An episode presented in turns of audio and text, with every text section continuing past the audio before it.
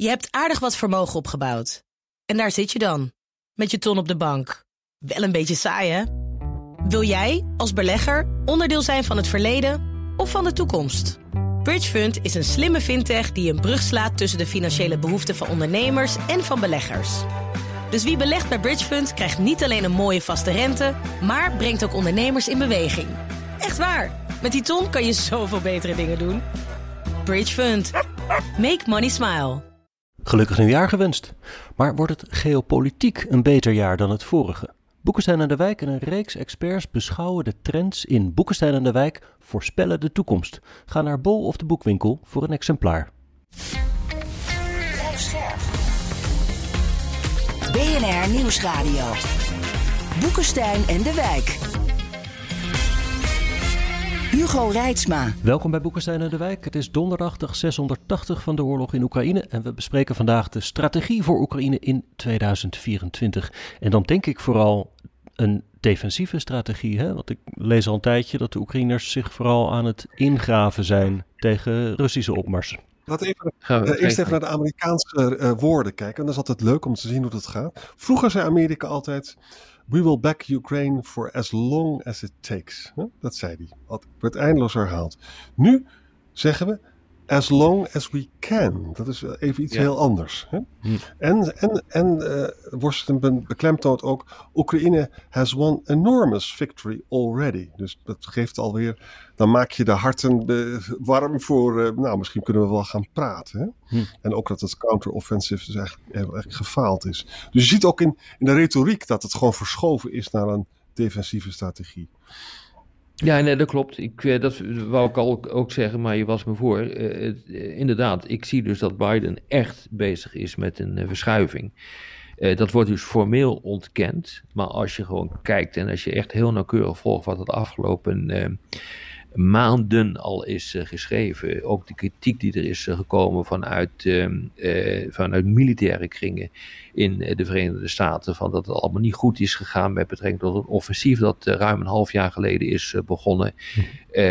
En je leest ook nu wat er wordt gedaan in, in, in de Oekraïne om, laten we zeggen, nieuwe versperringen te maken, fortificaties, zodat eigenlijk de, het front wordt geconsolideerd.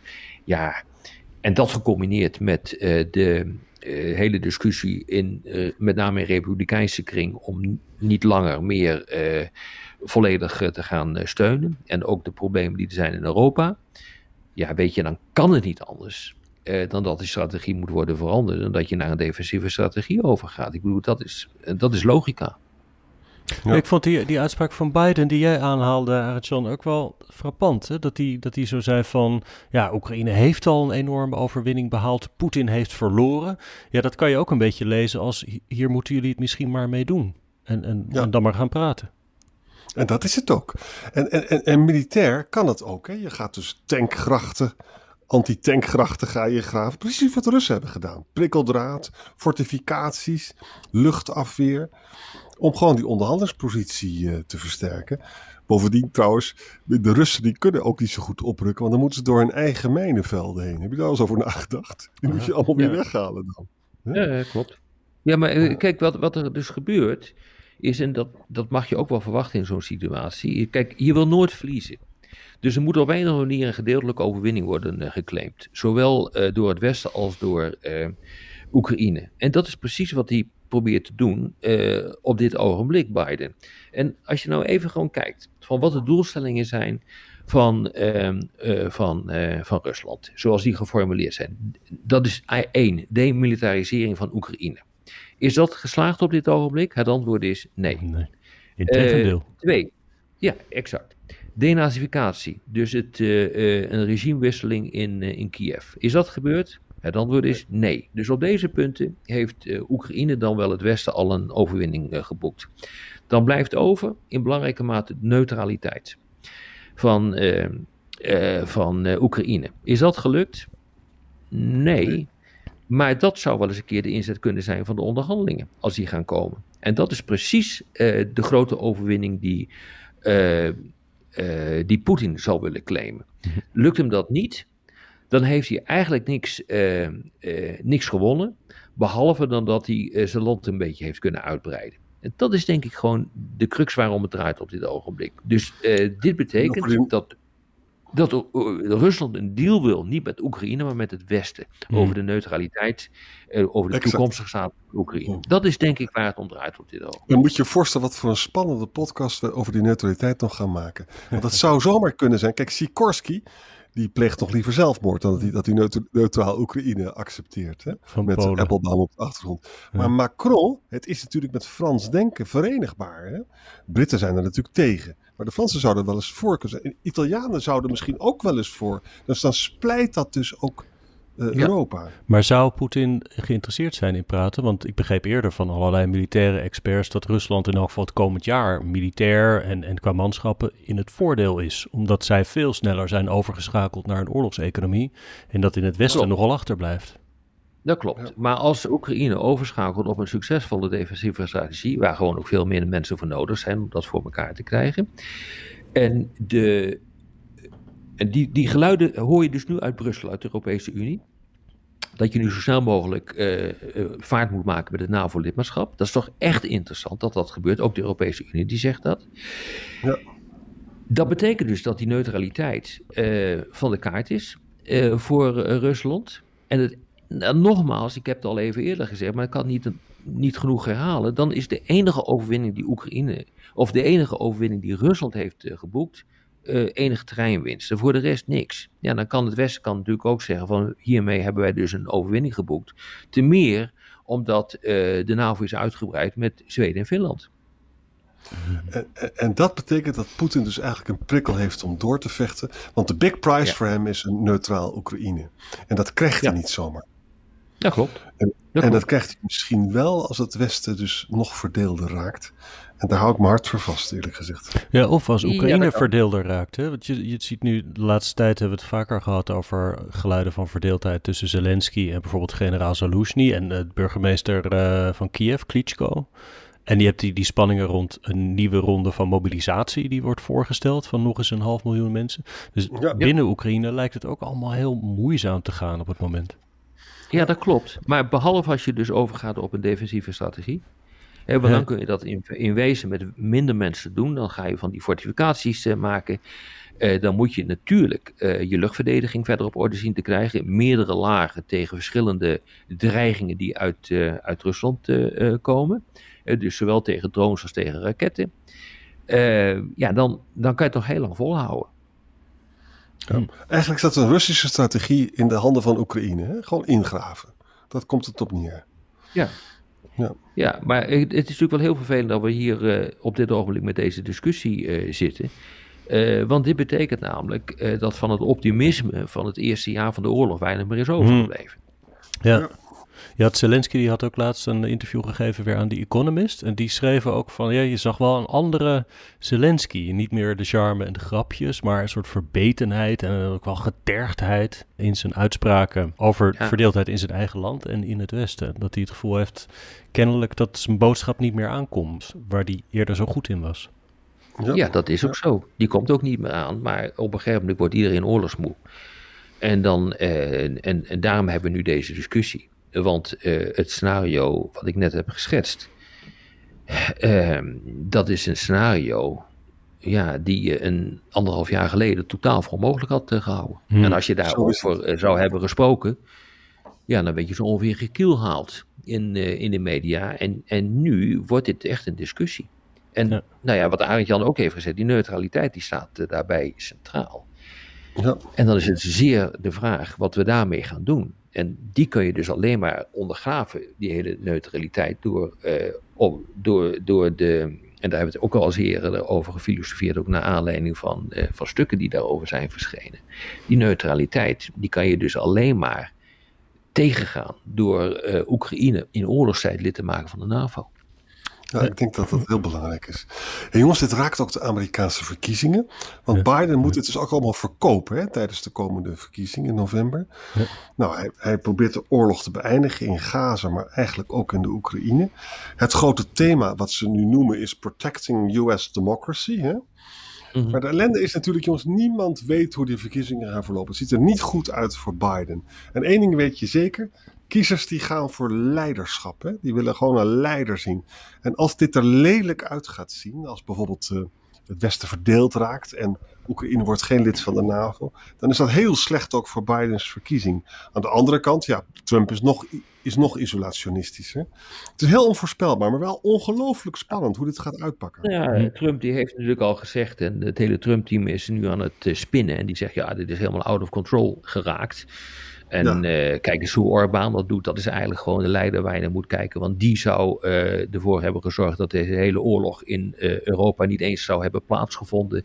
En het Trump-team zegt ook, als Trump aan de macht zou zijn, dan zou er ook geen oorlog zijn geweest in het Midden-Oosten. Dat is natuurlijk allemaal gewoon totale lulkoek wat hier wordt, wordt gezegd. Maar ik denk dat mensen dat op een gegeven moment wel gaan geloven.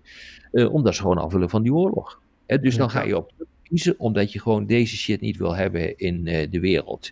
Ja, dat, ook dat is een logische, uh, een logische ontwikkeling. Alleen als dat uh, gaat gebeuren, dan heeft het Westen wel verloren. En de prijs die je daarvoor moet betalen, door eigenlijk ook de speelbal te worden dan uiteindelijk van landen als Rusland en China en Iran.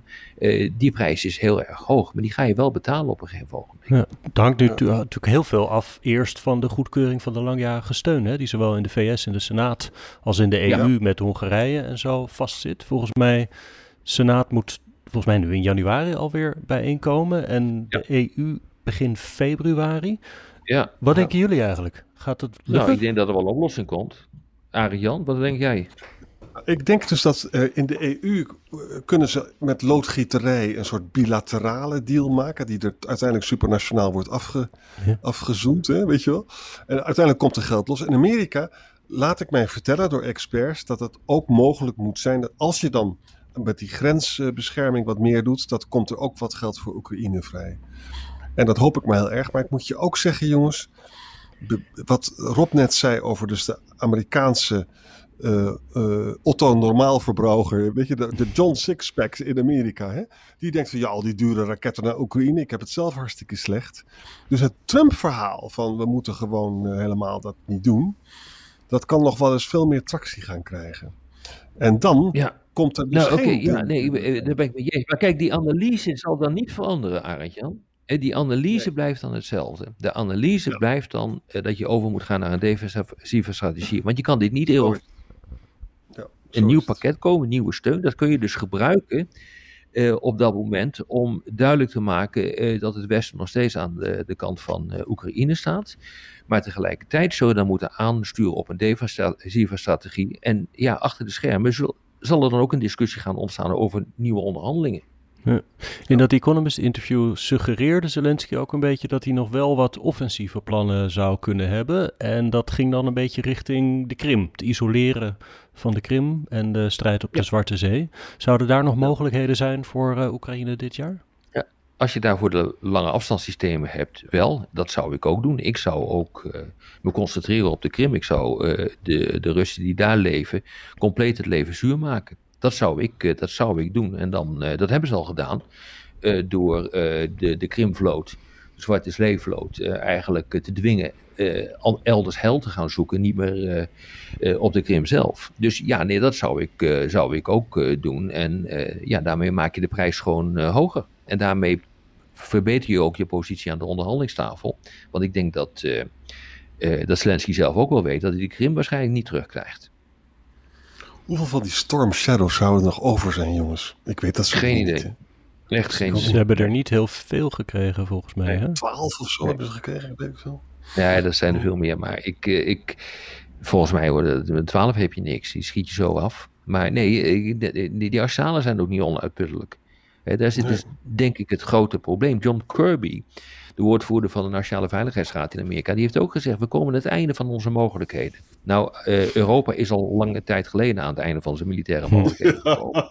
Van, van, vandaar dat we dus nu gewoon uh, uh, oude, oude tanks moeten, moeten kopen uit de arsenalen die nog bij bedrijven aanwezig zijn en die op de kalefaten. Dus allemaal labwerk is het. En ook aan dat labwerk komt op een gegeven moment een einde.